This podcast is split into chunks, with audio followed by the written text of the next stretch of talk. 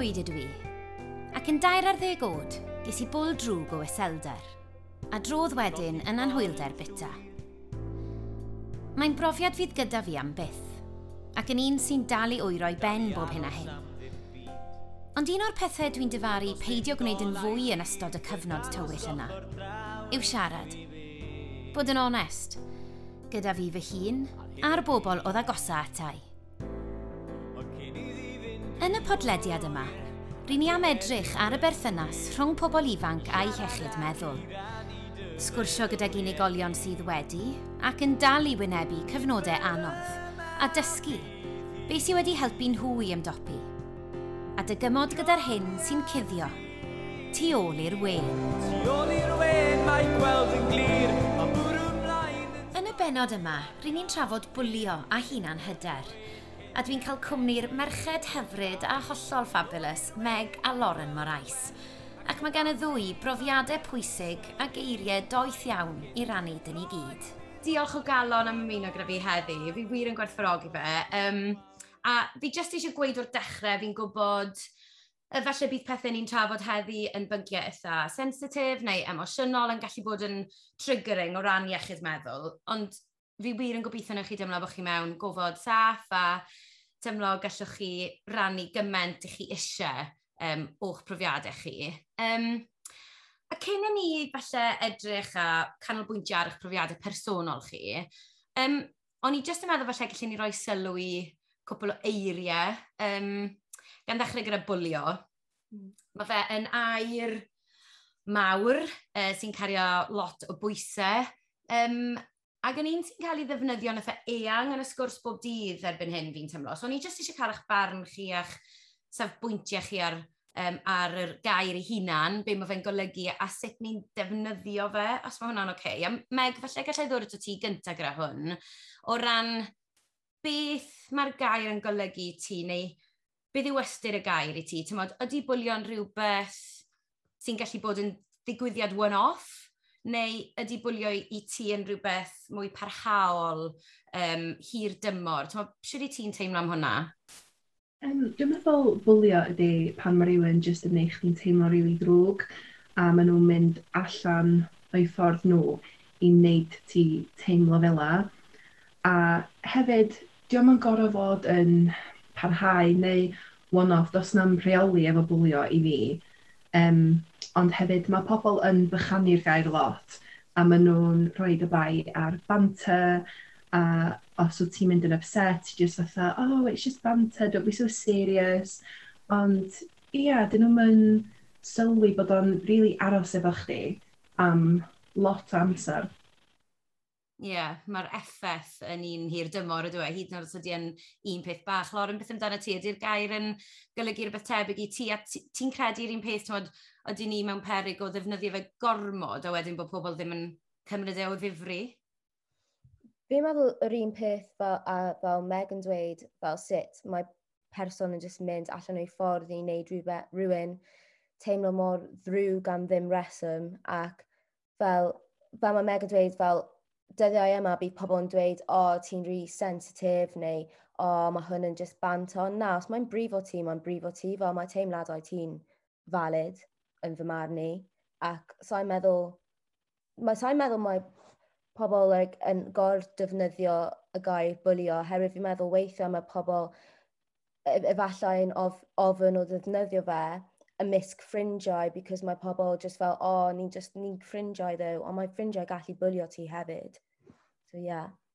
Ie, yeah, mae hwnna'n hwnna beth cryf, actually, a beth pwysig i, i ddweud, achos mae'n gallu digwydd mewn unrhyw sefyllfa, dwi e. Um, A gair arall falle sydd um, yn codi yn y sgyrsiau yma o hyder neu hunan hyder neu hunan werth, a gair sy'n gwylltio fi gymaint yw y gair yma normal.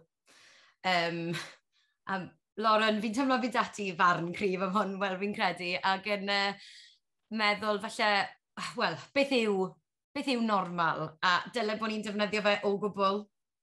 Fi, dyna'r dyna gair. A I sa'n gwybod beth yw normal, i fod yn onest. Fel, o, oh, mae hwn yn...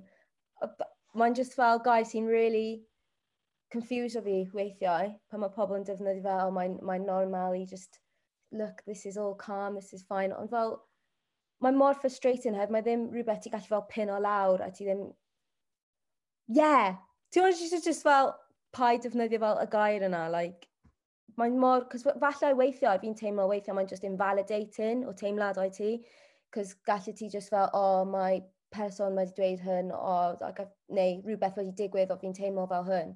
Mae pobl yn fel, o, oh, mae'n just normal i deimlo fel hynny. I was like, no, ond mae'n really effeithio fi, mae'n really brifo fi, mae, dwi actually yn mynd trwy rhywbeth. A fi weithio fi, ie, yeah, fi'n meddwl fod yn weithio gallu bod yn really invalidating i experiences pobl ie, yeah, a'r, a'r ffaith na bod e, os mae rhywbeth yn normal, dyw e ddim yn golygu bod e ddim yn uh, bod e ddim yn bwysig yfa e hefyd. Um, ond, ond Meg, os allwn ni ddyn nôl at y ti ta'r gair cyntaf yma, um, bwlio, achos yn anffodus, mae fe'n rhywbeth ti wedi profi yn y ffordd gweitha posib, really. Um, Ti'n hapus i rannu dy brofiadau di gyda ni a, a sut nath e, a sut mae fe'n parhau i effeithio ti? Oce, okay. ie. Yeah, so nath o dechrau pan o'n i tua 5 neu 6 oed. A nath o dechrau, oedd y plant yn galw fi'n hyll ac yn dew a ddeud bod y gwallt fi'n hyll a yn neud hwyl achos doedd mam ddim efo lot o pres. So o'n i'n fatha kind of, do'n i'n yn ffitio fewn efo sgidiau cool a dillad cool a gallu neud pethau um, fatha school trips fel oedden nhw'n neud. Um, a wedyn, yn fatha teenagers, obviously, ddoth MSN allan a Facebook, a nath o dechrau online wedyn. A oedd o mor effernol, o'n i'n gorfod gadael ysgol pan o'n i'n 13 neu 14, a wedyn o'n i'n meddwl, oh, right, okay, the problem will go away, dwi wedi, dwi wedi gadael ysgol lan, ond obviously, nath o dechrau online wedyn a o'n i wedi cael lot o trafferth online a doedd neb yn really neud rhywbeth a nath o really effeithio fi. Um, oedden nhw dal i fod yn galw fi'n dew, so nes i stopio bita a nes i um, developio eating disorder, nes i torri gwall fi off a straightenio fo bob, bob dydd, nes i dechrau gwisgo lot o make-up jyst i cuddiad, wel, i gobeithio cuddiad gwynaf fi, a nath o really, really effeithio iechyd meddwl fi. So nes i just stopio fynd allan, stopio really... Do'n i ddim yn meg ddim mwy, o'n i just yn shell o fy hun, really. Mae'n ma brofiad traumatic iawn um, yn swnio um, ac yn ofnadw o beth bod ti wedi gorfod gadael ysgol meg o ganlyniad i hyn a a ti'n meddwl fel o ti'n gweud, ti'n trial newid dy hun wedyn, a dim, dim meg wyt ti wedyn, efe? Na, da ni'n gwybod, wel, really, dwi'n mynd cofio pwy o'n i, o'n i just yn, o'n i'n ddistaw, o'n i'n mynd siarad, o'n i'n mynd really codi allan o gwely, ond blwyddyn diwetha nes i just, wel, dwi wedi gweithio fy hyn i fyny ers o'n i'n tuab 14, just i, um, wel, da chi'n gorau dysgu sydd i byw efo problemau eich meddwl, dyn nhw'n mynd o na. Um, ond wedyn nes i cael y confidence i mynd i coleg. So, obviously, nes i gadael ysgol efo dim un qualification a rwan dwi yn coleg a dwi'n gweithio fy hun i fyny, ond dwi beth yn anghofio fe nath o cymryd i gallu wneud hynna o gwbl. Na, na, dim o gwbl. Um, a a mae'n mae wych bod dati nawr um, safbwynt bositif bod ti'n uh, yn symud mlaen gyda phethau. Ond, a newn ni ddod nôl at hynna a siwt i ti wedi cyrraedd fyna yn y man. Um, ond, Lauren, ti'n modd, i ti nawr, um, oedd y safbwynt i ti'n hyfforddi fod yn actores. Um, falle bydd y grandawyr yn gyfarwydd â ti o fideos, hans a lush, a falle yn cymryd yn ganiataol wedyn bod ti'n berson hyderus ag yn gyfforddus iawn yn crôn dy hunan ond dim fel na mae wedi bod i ti o gwbl y fe. Ti'n hmm. hapus i fyna ni nôl i fel dy amser di yn yr ysgol a siarad nath pethau ddatblygu ti? Ie. Yeah, um, pan o'n i'n, fi'n meddwl fel, fel harddegau, fel probably 14 mynd lan, o'n i'n really, o'n i'n really ddim yn hapus fel pethau um, adre ac o'n i'n mor, mor swil, like, o'n i'n neud pethau yn yr ysgol dramatic a pethau, ond fi'n meddwl herwydd nes i adeiladu fy hun i fod yn um, cyfforddus mewn hynny, ond nes i byth wneud unrhyw clybs tu allan o'r ysgol. Nes i ddim wneud, nes i ddim cael ffrindiau tu mas o'r ysgol o, o gwbl, nes i just cael fel tight-knit fi oherwydd o'n i mor nerfus, mor swyl, o'n i just really ddim yn hoffi fy hun ar y adeg yna. So nes i ddim really dechrau mynd mas a wneud pethau um, gyda fel actio a canu a stuff. Pan o'n i'n, probably, pan o'n i'n fel mewn chweched, ond fel later time mewn chweched. Um, so ie, yeah, oedd hwnna'n really amser anodd oherwydd o'n i ddim gyda llawer o hyder o gwbl. Um, a wedyn es i i brifysgol i wneud drama theatre yn Birmingham a wedyn um, oedd hwnna fel pimp wythnos, really, anodd. O'n i ddim yn teimlo fel o'n i ffit o mewn, o'n i ddim barod am uni at all. Nes i, um, nes i bron mynd i like, um, ysbyty um, meddyliol am fe. A wedyn, nes i gael fel galwad o fy nhad un diwrnod, a oedd e just fel, um, ti angen gadael. A wedyn, oedd hwnna'n anodd oherwydd o'n i'n stryglo gyda'r teimlad o um, like being a failure ac o'n i just ddim yn hoffi hynna o gwbl. A wedyn nes i just gythio fy hun i just mynd i, just, nes i just dweud fy hun, just ewch i un peth. Go to one thing tu allan o be ti'n gwybod. Just do one thing. A wedyn nes i wneud cyfarwyddo, fel thing cyfarwyddo bach gyda Framwen. And then from there, o'n i just wneud un peth arall. So o'n i'n wneud e, o fel mewn camau. Ond fi'n meddwl i heddiw dwi dal yn really stryglo gyda hyder. sy'n mae pobl ddim yn teimlo fel hynna os ti'n actio a pethau. Ond imposter syndrome fi'n stryglo gyda load ac constantly ddim yn teimlo fel fi'n like, good enough, fi'n meddwl, oherwydd dwi'n cymharu fy hun gyda pawb. A fi'n meddwl hwnna'n like, it's a given dyddiau yma gyda social media ac bod yn credig bod mewn y busnes yma Ond ie, yeah, mae wedi bod yn taith a dal ar y taith yna.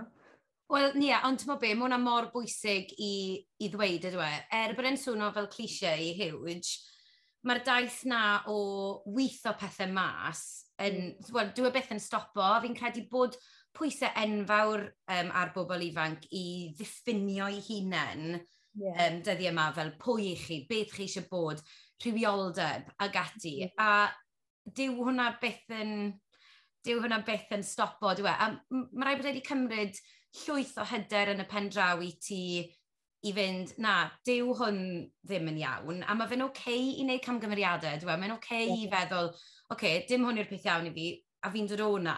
Ie. Yeah. Ti okay. E- like, weithiau, fel, o'n i'n meddwl herwydd fel, um, gyda y gymdeithas heddiw, mae yna loads of like, pressure i bobl especially pobl ifanc, i just mynd syth i brifysgol neu gwybod yn union be nhw eisiau wneud um, pan ti mor ifanc.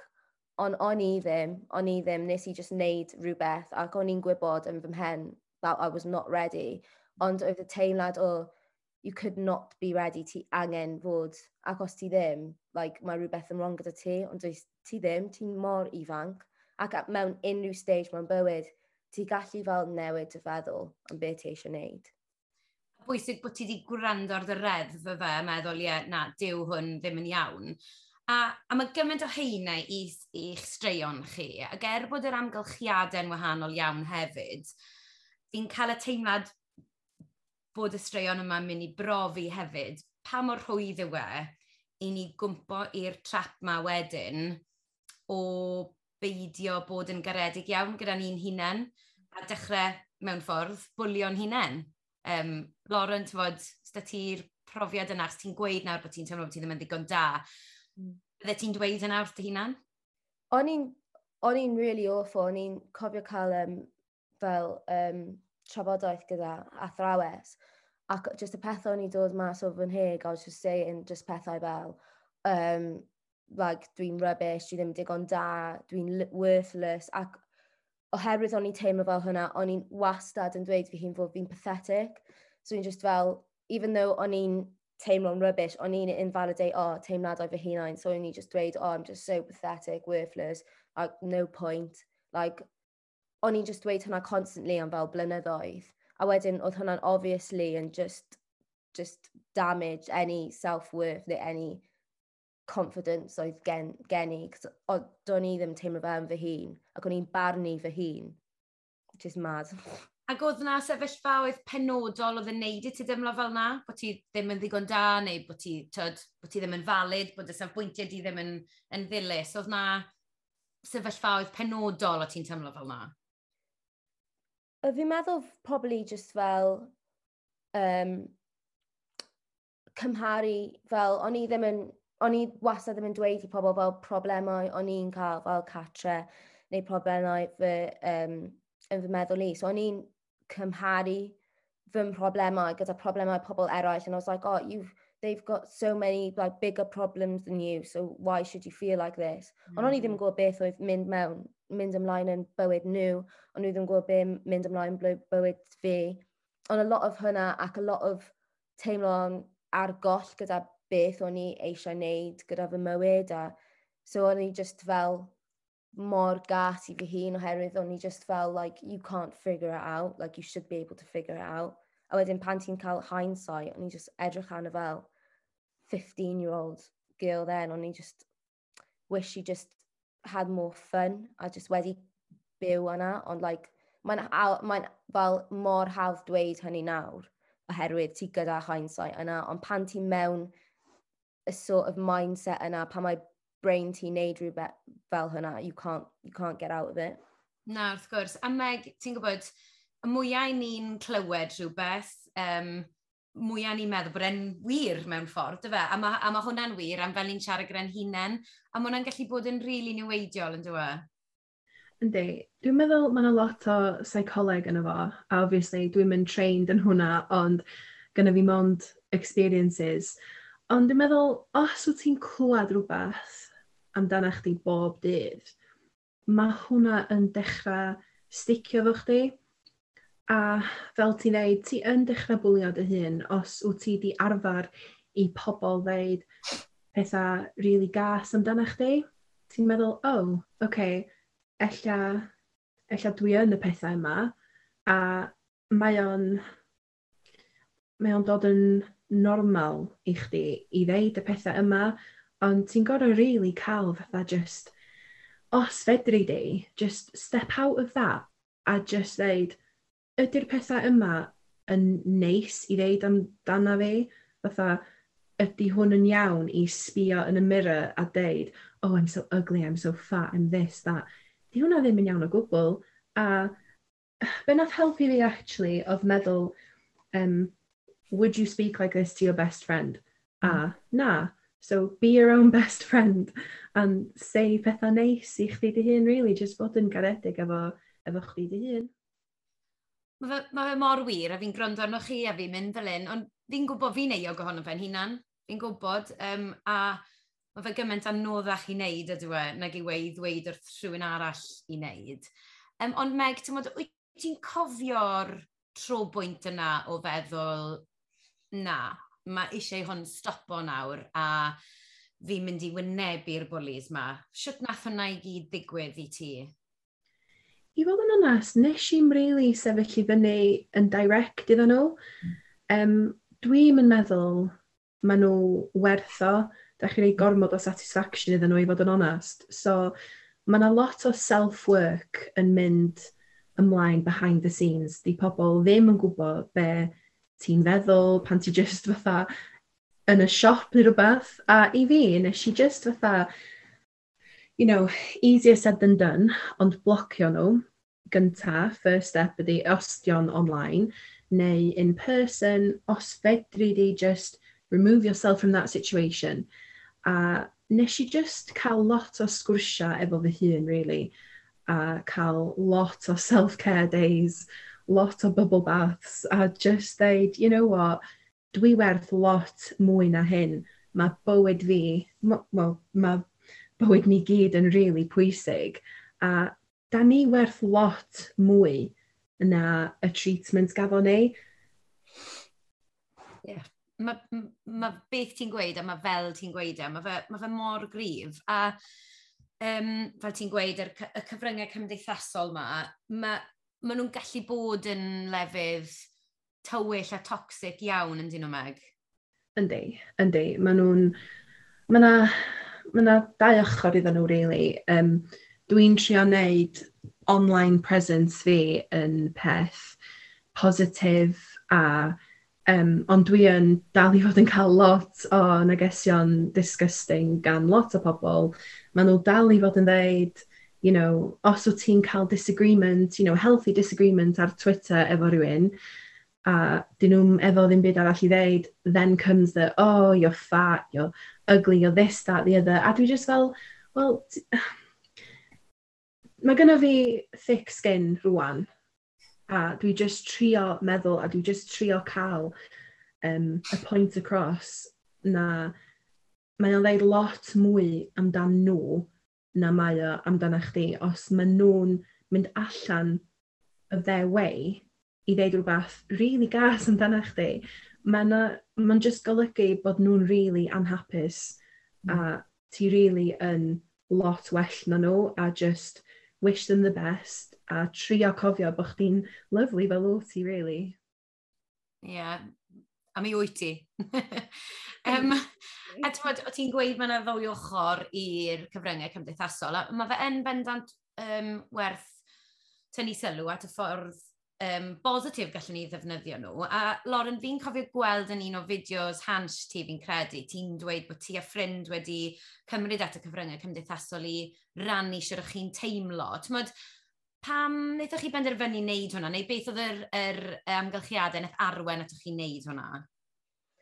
Wel, o'n i, um, nath fi fy ffrind cael trafodaeth ac oedd hi'n like, just ddim yn teimlo'n dda yn ei hun ac o'n i'n fel, I feel exactly the same way ac o'n i just fel, y ddau ohono ni just fel, o oh, mae just popeth yn edrych mor berffaith a mae pawb yn edrych mor hapus yn ei bywydau a like, I can't relate. A o'n i, on, y ddau ohono ni just fel, absolutely, like, 100% no fod nid yw hwnna'n like, stori pawb, a mae, mae na pobl yn stryglo. So o'n i just eisiau just, just dangos bach o fel reality, like, you know what, dyn ni gyd, like, ni gyd yn fel human beings, ni gyd ddim yn teimlo 100% trwy'r amser, ni gyd ddim yn fel codi lan mewn like mansion neu codi lan gyda fel like skin perffaith a popeth a bywyd a mae popeth yn more stable yn bywydau ni. Like, dydy hwnna ddim yn reality a mae hynny'n okay oherwydd ni gyd yn like, ni gyd yn just mynd trwy like, y bywyd yma yn just geso beth i wneud. Like, o'n i'n meddwl pan o'n i'n bach, mae oedolion yn gwybod popeth and then you grow up a ti'n ti just you just figure out fod mae pawb yn just trio figure fe mas ar y un pryd a mae'n iawn i just beidio bod yn okay. Cos dwi'n meddwl, ie, yeah, mae social media just dangos perffaith, fel, perfeithrwydd trwy, trwy'r amser. Ydy, bendant. A, a, a siwr ymateb geithoch chi hwnna wedyn? Oedd yr ymateb yn positif? Ie, yeah, oedd loads of, like, like, nath ffrindiau, like, ni, fel, just message ni, like, message ni, a just dweud, oh, o'n i'n really just angen hwnna right nawr. O'n nhw just fel, o'n i'n teimlo really rubbish, am fel, ble mae fy mywyd yn mynd, neu just, a, like, drychiad a y ffaith o fi'n just crio. A o'n nhw just fel, mae'n just quite refreshing just i gweld bach o fel, bach o just human ar social media. O'n i just meddwl fod, ie, yeah, oedd yn really nice oherwydd gallwn ni just gwybod pwy fel, gallwn ni just reach out mas i bobl a just mm. dweud, you okay? Like, mae'n like, mor bach ond mae'n meddwl lot i bobl. Ydy, a jyst i'r bobl yna mas na i o bod bod nhw hefyd yn gallu mestyn mas i, i chi, dyfed, tymod, a bod chi yn dangos yr, um, y reality tu ôl i perffeithrwydd y tiles ar Instagram neu beth bynnag mae bobl yn dangos ar Snapchat neu Twitter neu beth bynnag. Um, ond fel gyda ti'r un peth te, Lauren, tymod, dath na bwynt neu wyt ti'n cofio'r pwynt lle nes ti feddwl, tymod, digon yw digon, a mae eisiau fi fod bach mwy caredig i fy hun. A fel wyt ti'n llwyddo i wneud hwnna? yeah. Ti'n meddwl fe just fel, yeah, fi'n fi, fi, fi mor, like, a lot well nawr. Fi'n meddwl fi'n dal yn, I dal go into that trap on eto, like, that, that's life. Ond fi'n meddwl pan dwi'n mewn, fel, y sefyllfa yna pan fi mor gas neu dweud pethau gas pan fi'n like, neud like, pan fi mewn coleg neu rhywbeth, weithiau fi jyst angen fel, fel mae Meg yn dweud, cael fel step mas o fe. A jyst meddwl, byddwn i'n actually yn dweud hynna i fel best friend fi, neu unrhyw un fi'n fi, fi gwybod, neu nes i gweld ar fel social media fel dychmygu fel ti, fel ba, fel ti fel pan ti'n bach, neu five-year-old you, would you say that to that little kid? Fel pam, pam ydyn ni'n neud hyn? A weithiau fi just fel, pan fi'n teimlo fel hwnna, fi just fel, mae loads o bobl ar yr un pryd yn meddwl amdano nhw eu hunain, that people aren't really like, like edrych arno ti a meddwl fod ti'n rubbish. Ti'n yr un sy'n dweud hwnna i dy, i dy hun, and then I'm the only one that's getting in my way. O'n i'n fel, dyna beth fi'n dweud fi hun fel pan fi mewn coleg, pan fi'n teimlo fel hwnna, I'm like, okay, I'm my biggest obstacle ar y foment, so let me just be fi wedi dechrau pan fi angen cael feedback pa, neu pan fi angen like, criticise fy hun, fi'n wastad yn dweud, okay, un peth o'n i'n hoffi am be nes i dweud, a wedyn just un peth gallwn ni wneud yn well tro nesaf, because my coping strategy all the time was just, oh, o'n i ddim yn hoffi hyn, hyn, hyn, hyn, hyn, hyn, hyn am fy hun. Ond os fi'n just break it all down i un peth o'n i yn hoffi ac un peth allan ni wneud yn well, mae'n just ffordd o fi yn just meddwl mwy iach yn lle tero fy hun lawr. So that's how I'm dealing with it at the moment. A, a, a beth ti'n gweud at the moment yfe, achos yeah. falle mae'n newid trwy'r amser. A yeah. mae rhaid i ofyn, falle taw, achos perspektif actorion fel un, achos nes i um, hyfforddi yn coleg at y drama hefyd, blynyddoedd yn ôl. Ond um, yn, yn anffodus, ni wedi dewis mynd i um, wel, i wneud bywoliaeth sydd yn hyfforddi ni gwestiynu popeth. So, ni yn gofyn pam mae rhywun yn dweud rhywbeth, siwt dyle fi weid rhywbeth, um, neu um, twa, beth dyle fi weid, neu fel dyle fi ddweud e. So, ti'n teimlo bod yr, y training mewn ffordd weithiau yn gallu hindro fel wyt ti'n trial newid y ffordd i ti'n meddwl dy hun, os ydy hwnna'n gwneud synwyr? yeah, mae yn oherwydd fel ti mewn, ti mewn this like bywoliaeth pan like your biggest thing yw defnyddio ti. Mm. So wrth gwrs ti'n edrych arno ti yn dy microscope all the time. Pan ti'n neud unrhyw, although ti'n neud cymeriad arall, mae cymeriad yna dal yn dod mas o ti a ti'n yr un sydd ar fel llwyfa neu o flaen camera. Ac mae yn anodd just bod ti angen constantly meddwl neu constantly edrych tu allan o dy hun pan ti'n neud e. Ond fel dyna pam, pam dwi angen neud hynna, pan ni angen fel meddwl a dissecto fy hun, fi wastad angen dweud rhywbeth o'n i yn hoffi. Because usually, mae yna ma, na, rhywbeth ti yn hoffi, even though weithio mae brain ti'n dweud fod ti ddim. Even os oedd fel pethau bach, fel o'n i'n hoffi y ffordd nes i cerdded i ran yna o llwyfan. Fine. Ond ie, yeah, definitely mae yn anodd wastad edrych a barnu dy hun. Os mae hynna'n negatif neu positif, ti wastad angen barnu rhywbeth o dy hun trwy'r amser. A, a be o'n i'n teimlo oedd, achos o um, profiadau fi o, o fod yn ysgol ag ati, oedd o'n i jyst yn cymryd yn ganiataol bod pawb yn dweud pethau negatif amdano fi. Yn amlwg y lleisiau yn ymhen ni, oedd hwnna yn dweud hynna, ac oedd reality hefyd, oedd hwnna wedi digwydd, ond wrth gwrs mae mae'n ymenydd ni yn chwyddo hwnna a wneud e'n wath. Yeah. A fi'n credu fel actorion pan i ni'n treino a, a meg achos fi'n gwybod bod gyda ti ddiddordeb mawr mewn ysgrifennu creadigol, so fi'n siŵr bod hwn yn rhywbeth felly ti'n ystyried wrth ysgrifennu, ond ni'n cael yn hyfforddi i feddwl, reit, mae'r person yna wedi dweud rhywbeth wrth cymeriad fi, mm. um, pam maen nhw'n dweud e fel na ni, beth bynnag, ond mae'n anodd weithiau gwahanu cymeriadau a wedyn mewn bywyd bob dydd mae rhywun yn dweud rhywbeth, ac yn sydyn reit mae'r mae pen yr actor yn meddwl, o pam maen nhw wedi dweud e fel na, beth oedd y motivation tu ôl i hwnna? A ti'n meddwl, o, oh, dim bywyd go iawn yw hwn nawr. Yeah, oh my god, big time trwy amser. Ti just fel, mae rhywun yn dweud rhywbeth a ti'n gorfeddwl e. Even though falle o'n i'n just wedi, falle o'n i'n just mewn rush. A o'n i'n just dweud, oh, ti'n gallu sortio hwnna mas. and o'n i'n like, why did I? Why, why? A wedyn, o'n i'n teimlo'r un peth, oherwydd ti angen neud o flaen pobl trwy amser, ti'n just fel, o, oh, mae pawb yn meddwl fod fi'n rubbish, mae pawb yn meddwl fod fi'n rubbish usually hwnna ddim yn y case, mae pobl yn just meddwl amdan nhw eu hunain a beth nath nhw just newydd dweud wneud. Mm. A Meg, nes di ddweud just nawr yn byty, be your own best friend. A fi'n credu, hwnna'n rhywbeth mor grif yn y we, i fod yn ffrind gorau ti dy hun, achos ni yw'r bobl i ni gyda trwy'r amser. um, pam, pam ti'n credu, Meg, falle ni'n ffindio fe mor anodd i fod yn ffrind gorau ni'n hunan? Dwi'n meddwl... Mae hwnna'n cwestiwn anodd, actually. Mm. Ond mae yna lot i feddwl am. Dwi'n meddwl, to start off, ella fysa fo'n syniad da mewn ysgol i dysgu plant sut i fod yn garedig efo yn hunan. A fel oedd Lauren yn dweud, just pigo un peth ti'n hoffi amdan dy hun. A dyna be nath helpu fi, actually. Nes i just cael fatha sticky notes a um, fatha quotes bach neu pethau neis amdan fy hun, a nes i just sticio nhw ar y mirror. A so nhw'n deud wrth fy hun, right, you're not looking in the mirror unless you say something nice.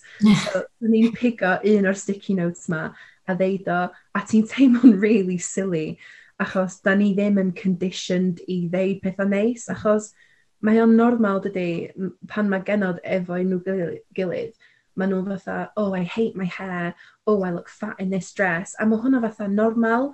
A os ych chdi'n stepio allan o hwnna a dweud, actually, I think I look banging today. Fysa nhw fatha, oh my god, you're so cocky. Achos di hynna ddim yn normal. So mm. actually, surround yourself efo pobl fel ti a just, yeah, just normalise being nice to yourself a deud pethau neis a just, you know, os ych chi'n um, gofyn wrth, let's say, plant bach, why is your best friend your best friend? Y peth gyntaf sy'n nhw'n ddeud ydy, achos maen nhw'n caredig. Maen nhw'n neud fi'n teimlo'n hapus. Maen nhw'n ffynnu, maen nhw'n, you know, so pam da ni'n fel efo'n hynna'n, Diolch yn rili really neud sens i fi, da ni'n gorfod dysgu hwnna, a di hwnna ddim yn deg o gwbl. Na, mae fe, ma fe mor wir ydw e. A o'n i jyst yn meddwl fanna, ti'n gwybod, um, yeah, fi'n credu mae cymdeithas a fel i ni falle wedi cael yn magu yn neud i ni feddwl bod dweud pethau fel yna, fel, fel nes ti ddweud meg yn, um, yn coci. Mm. A fi'n credu fyd falle um, bod ni'n cael yn magu Lauren falle i feddwl bod, bod yn neis fel na'n hunain yn rhywbeth eitha henanol i wneud. Yeah, definitely. Fel Meg yn dweud, os ti'n just mae'n, ie, yeah, mewn like circles fel merched, os ti'n dweud, o, fi'n weithio, o, fi'n edrych yn good heddiw. Um, special ni'n fel ifanc, oedd pobl yn fel, oh, you, like, that's cocky neu rhywbeth, ond na, dylen ni just build o'n hunain, like, ein hunain ac ein gilydd lan, like, dyna beth fi a fy ffrindiau trio wneud nawr, just fel, pan ni, like, get ready for a night out, ni just fel, oh, girl, you look amazing, a wedyn, just, mae'n anodd fel accepto compliments, a wedyn ti just fel, yeah, ni gyd yn just rhoi pact i'n hunain, ni just accept the compliments or just dweud i gilydd ac i'n hunain, you know what, I'm looking good. Neu, nes i wneud good job heddiw. Like, dylen ni cael definitely, dylen ni just dweud hynna gyda i ein hunain. Ac fel oedd Megan dweud, dylen ni dysgu hynna yn yr ysgol. Herwydd, herwydd fel, fel o'ch chi'n dweud fel Elin, ni gyda'n hunain for the rest of our lives. So we might as well be nice to ourselves. Ie, yeah, bendant. Mae just easier said than done, ydw we? yeah, big time, big time. Um, ond Meg, ti'n modd o ti'n sôn nawr, ti wedi llwyddo yn anhygoel i droi pethau rownd ei ti dy hun. Ti'n mynd i fod yn byw gydag effaith pethau am byth yn dwi ti. Ti'n mynd i'n dysgu byw gyda nhw fel nes i weid. Ond ti'n yn y coleg nawr a, ma, a ti'n neud yn wych. Felly, o'n i jyst yn meddwl byddwn ni'n gofyn fel, os da ti bethau penodol sydd yn helpu ti nawr o ddydd i ddydd, tymod, your go-tos er mwyn cadw meddwl iach, yn ogystal ar post-it notes. I, I love that, mae hwnna'n ffab. Dwi jyst yn meddwl, mae'n really pwysig i um, checio fewn with yourself every day. Just mm. bob bora, just dweud, so be, how do I actually feel today? Ac os wyt ti'n teimlo'n anxious, mae hynna'n hollol iawn. Os mm. wyt ti'n teimlo'n isel, mae hwnna'n iawn ac os wyt ti'n teimlo'n ffantastig, mae hynna'n iawn hefyd. A hefyd, mae'n iawn i teimlo heina i gyd, does na ddim, there's no one way you should feel. Mae'n iawn i teimlo'n really rubbish, a wedyn teimlo'n gret. A dwi jyst yn meddwl, ia, dwi jyst checio fy hun, a jyst wneud yn siŵr bod fi'n okay, a cael coping strategies, you know, even os mae o just stressful mewn bag coleg, neu notepad achos obviously creative writing ydy beth sy'n helpu fi. Mm. So just ffeindio beth sy'n helpu chdi mwyaf a just cael coping strategies bach, dwi'n meddwl dyna beth sy'n pwysig. A hefyd, mae o'n completely fine i cymryd amser allan hefyd.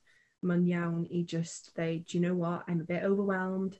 Mm. Mae'n iawn i setio boundaries efo pobl os wyt ti'n teimlo fel I've given too much of myself to people mae o'n hollol iawn i fod yn selfish weithiau, a mm -hmm. dydy selfish ddim be mae pobl yn meddwl mae o, dio ddim yn, you know, take, take, take. Mae o'n iawn i fod yn selfish mewn y ffordd just say no in any context, just say no if you feel you need to. Mae hwnna mor bwerus ydw e, achos um, mae'n anodd yn enwedig fel pobl sydd yn rhoi, fel y ti'n gweud fan ameg, tywod, Mae'n dweud na weithiau. Dwi e ddim yn ein iaith ni, ydw e, Lauren, i weid na. na, o'n hwnna oedd fel nath athrawes dweud i fi, like, yn coleg ac um, um, secondary school, oedd nhw just fel Lauren Young, just dysgu, just, pay, just dweud na. Ac nes i fel last weekend, o'n i'n really burnt out gyda college, a really mor stressed.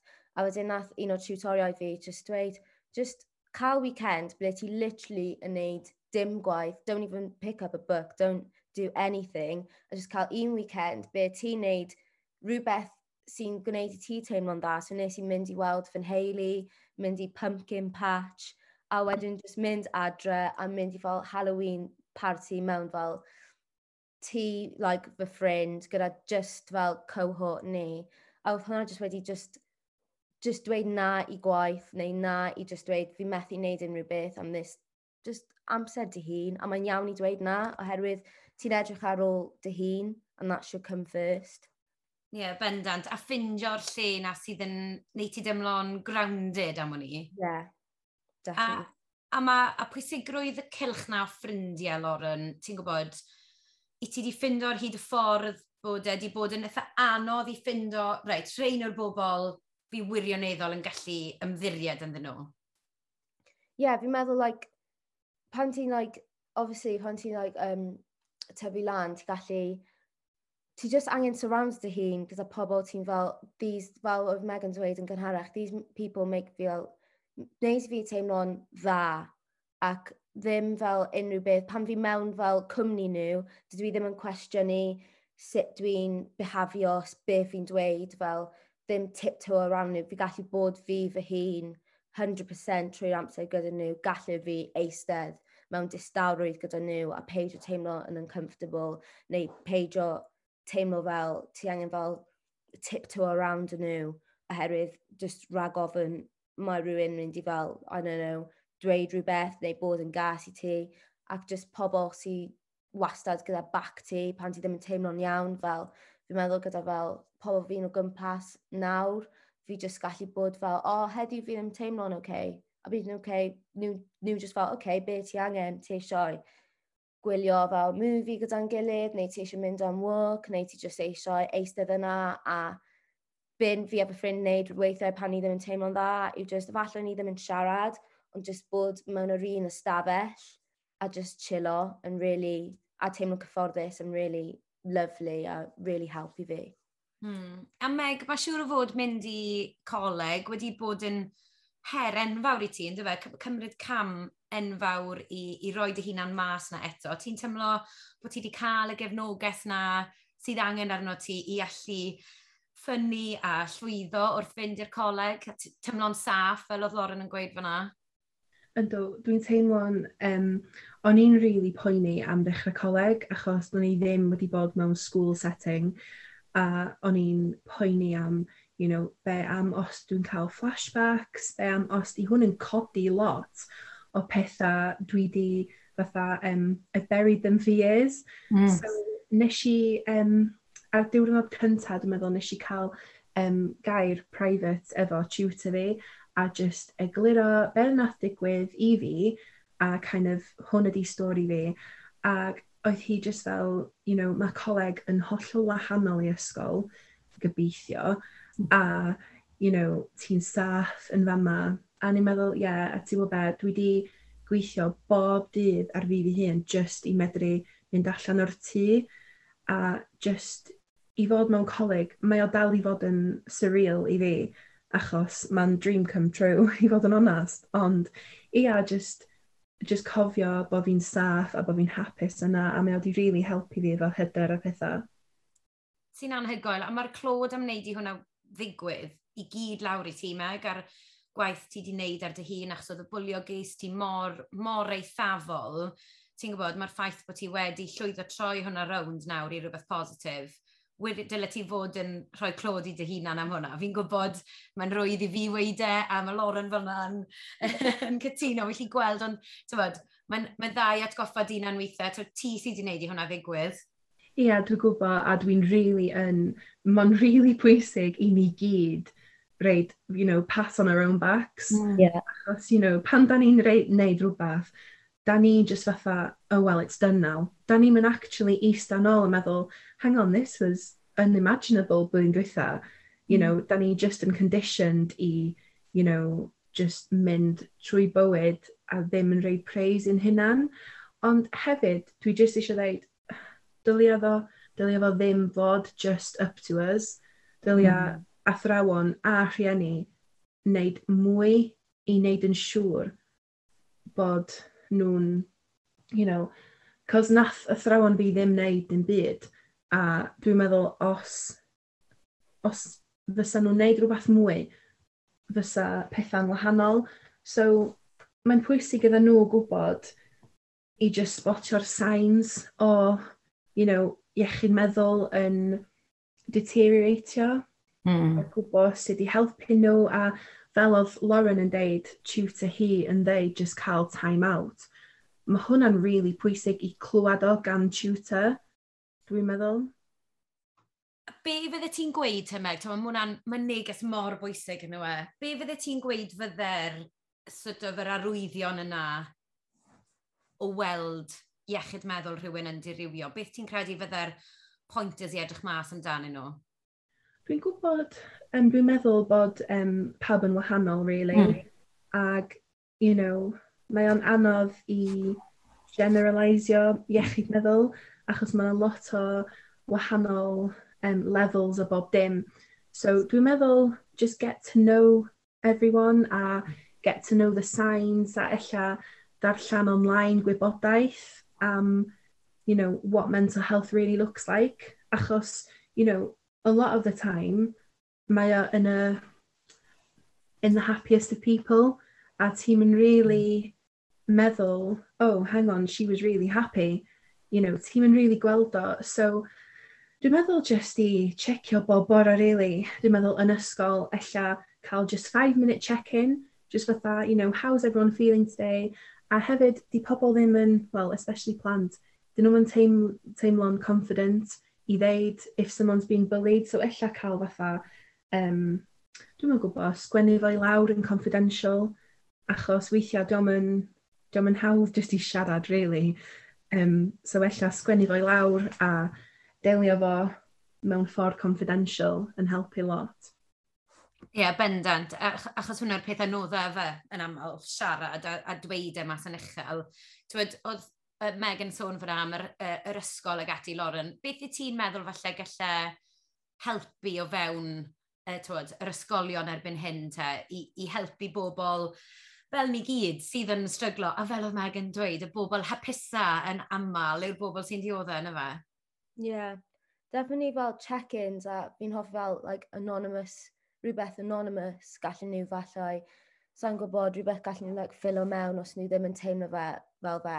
Ond hefyd i fel adeiladu fel y sylfaen o mae'n iawn i beidio teimlo'n iawn ac mae teimladau ti'n valid ac bod yn neis i dy hun ac oherwydd sa'n meddwl mewn lot o ysgolion mae hynna yna, fi'n meddwl mae athrawon yn amwybyddu pan mae pethau yn mynd ymlaen a ddim yn cefnogi ei fel like, disgyblion, a wedyn pan, pan mae rhywun fel mewn pwer neu fel mewn gyda authority yn fel ddim yn helpu ti, then wedyn ti'n just fel cwestiwn i dy hun. Ac fi'n meddwl, dyna fel, as well as fel like, um, disgyblion gwybod pethau fel am um, iechyd meddwl a cefnogi a bod yn neis i'ch hunain ac fel sut i edrych ar ôl dy hun pan ti yn teimlo hynny. Dyla athrawon cael fel training yna hefyd, hefyd herwydd, obviously, mae nhw'n teimlo fe, fe hefyd, ond fi'n meddwl dyla cael y sylfaen o dysgu plant from a young age am iechyd meddwl, oherwydd gallu fel, fel effeithio ti ar unrhyw oed, ti angen fel, it doesn't like discriminate mewn unrhyw ffordd, mae'n just rhywbeth sy'n digwydd a mae'n awful.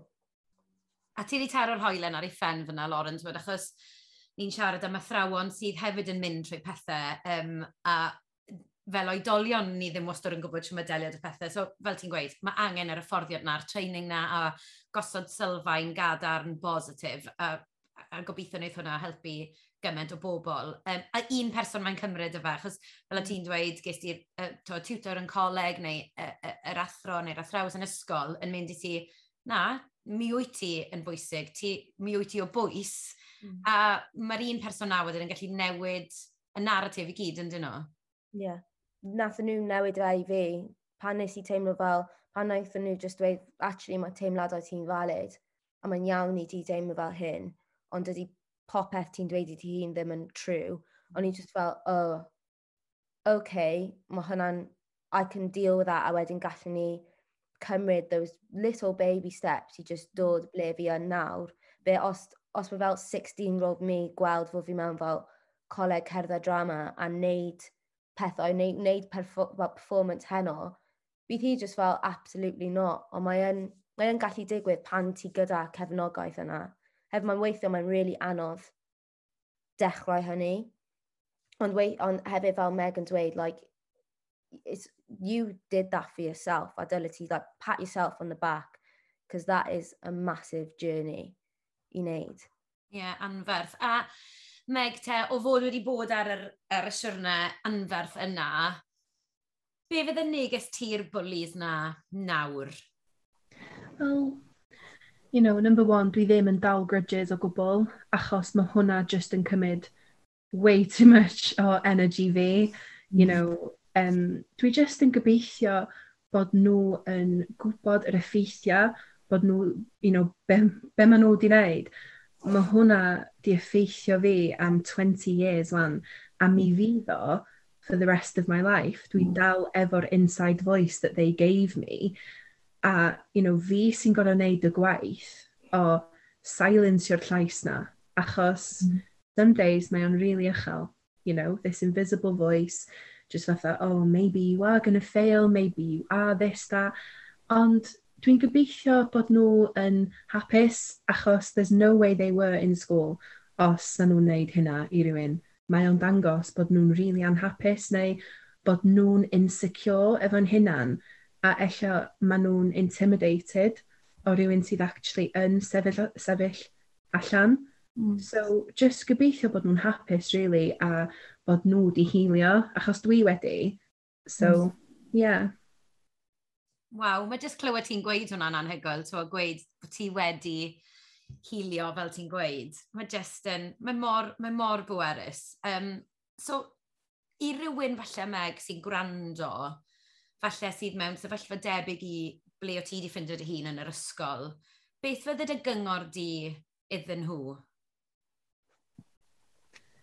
Um, just i, just i cofio, really, you know, ti'n lyflu fel o ti, ti ddim yn gorau newid, a dim moch sut ti'n edrych, dim moch gen hwnna anyway, achos bod yn person caredig, bod yn person neis, mae hwnna yn lot mwy pwysig na sut ti'n edrych, a just as long as ti'n hapus, a pan ti'n sbio yn y mirror, ti'n hapus efo dy hun, a, you know, it doesn't matter if it's looks-wise neu personality-wise, as long as ti'n hapus a ti'n gwybod, you know, ti yn neud y byd a lot better place just with existing.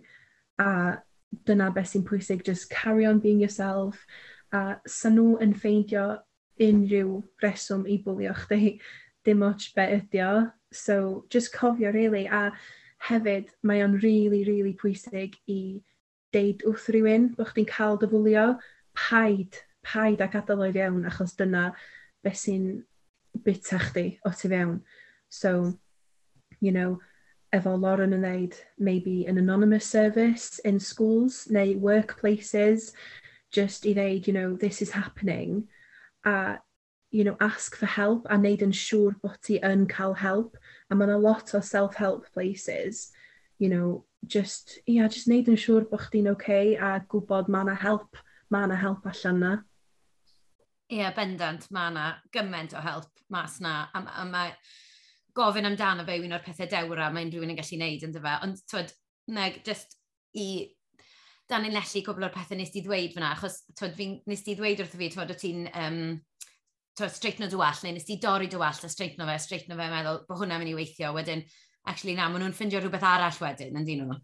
Yndi, you know, oedd gwall fi, wel, mae'n tyfu'n ôl, obviously, wan, ond oedd gwall fi lawr i hips fi a llawn curls, oedd o'n rili really mawr, ac oedden nhw'n galw fi'n hagrid bob dydd a dweud, o, oh, mae gwall chdi mor hyll, a, you know, um, that didn't stop. Nes i just fynd at a hairdresser a dweud, please cut it all off. O'n i'n literally just yn desperate iddo hmm. fo fynd, achos o'n i'n associatio gwallt fi efo bullies. Mm. A, you know, nes i just said, cut it all off, so mi nath nhw, a, you know, um, nath nhw ffeindio rhywbeth arall i bwlio fi am, you know, y ffaith o'n i di dysgu Cymraeg. So, sa nhw'n neud hwyl o'na fi am hwnna, neu ddeud, you know, obviously, the weight was the main thing a sa hwnna jyst yn mynd y mwy. So dim otsh sud fyswn ni'n newid fysa nhw ddim yn newid. Fysa mm. nhw dal i fod yn bwlio fi for absolutely anything. A dwi jyst yn hapus wan bod fi di you know, dos na ddim byd yn wrong efo straightio wall neu gwisgo make-up o gwbl, ond dwi jyst yn hapus bod fi'n gallu sbio yn y mirror yn completely naturiol ag yn meddwl, do you know what, I look nice. Hmm. I'm a nice person. Mae hwnna'n really pwysig a hefyd mae'n pwysig i gallu gwisgo make-up a straightyn o gwall am y reswm iawn just mm. achos fi eisiau gwneud. Oedd pobl yn deitha fi wneud. Ie, yeah, wel huge kudos i ti am hynna, achos, um, a, sorry, ti newydd just dropo mewn fyna bod ti wedi dysgu Cymraeg. Um, Ond mae dy Gymraeg fi'n anhygoel. Diolch. um, ac, a twod, wirioneddol yn anhygoel, a, a dyle ti wirioneddol gymryd hyder yn, yn defnyddio'r iaith sydd gyda ti, achos uh, mae fe'n wych. Ond y peth i gymryd o hwnna efe yw i bidio newid eich hunain i neb, yn efel Oren. Ie. Yeah.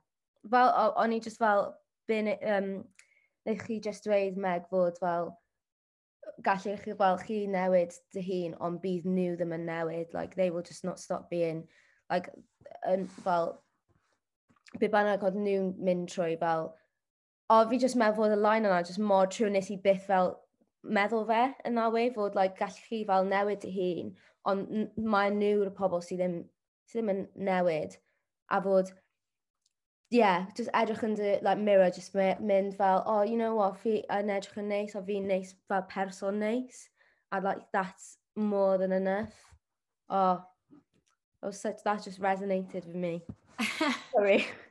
Na, dim o gwbl. Fi'n fi, fi, fi falch bod e. Mae a, a fi'n credu neitha, e, neitha e siarad gyda lot o bobl. A, Lauren, ti'n modd, wrth feddwl am hwnna te, a meddwl am Lauren, 14-15 mlynedd oed na, be fydde ti'n lygo gweud wrtho hi nawr?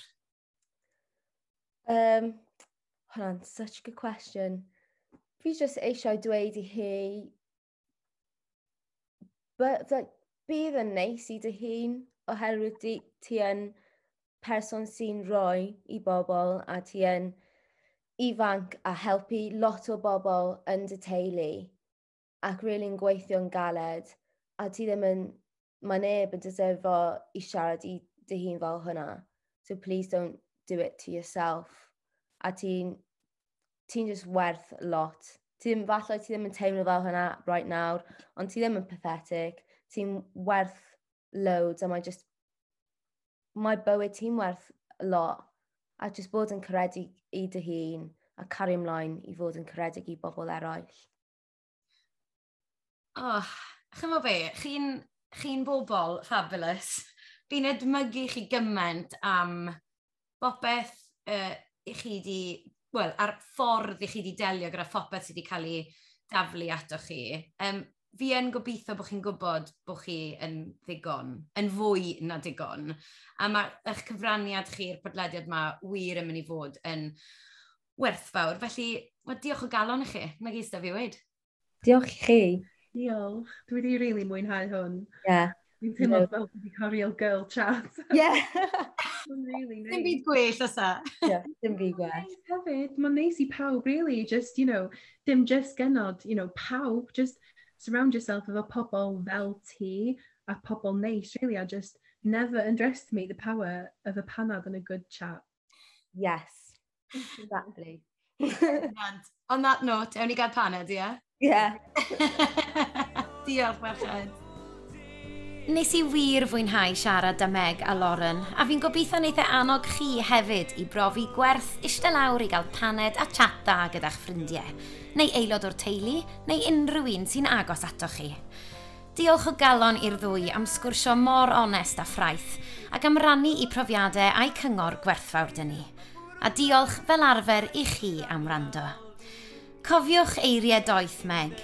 Amgylchynwch eich hunain gyda'r bobl sy'n ddylanwad positif yn eich bywydau, ac mae'n codi dro ar ôl tro.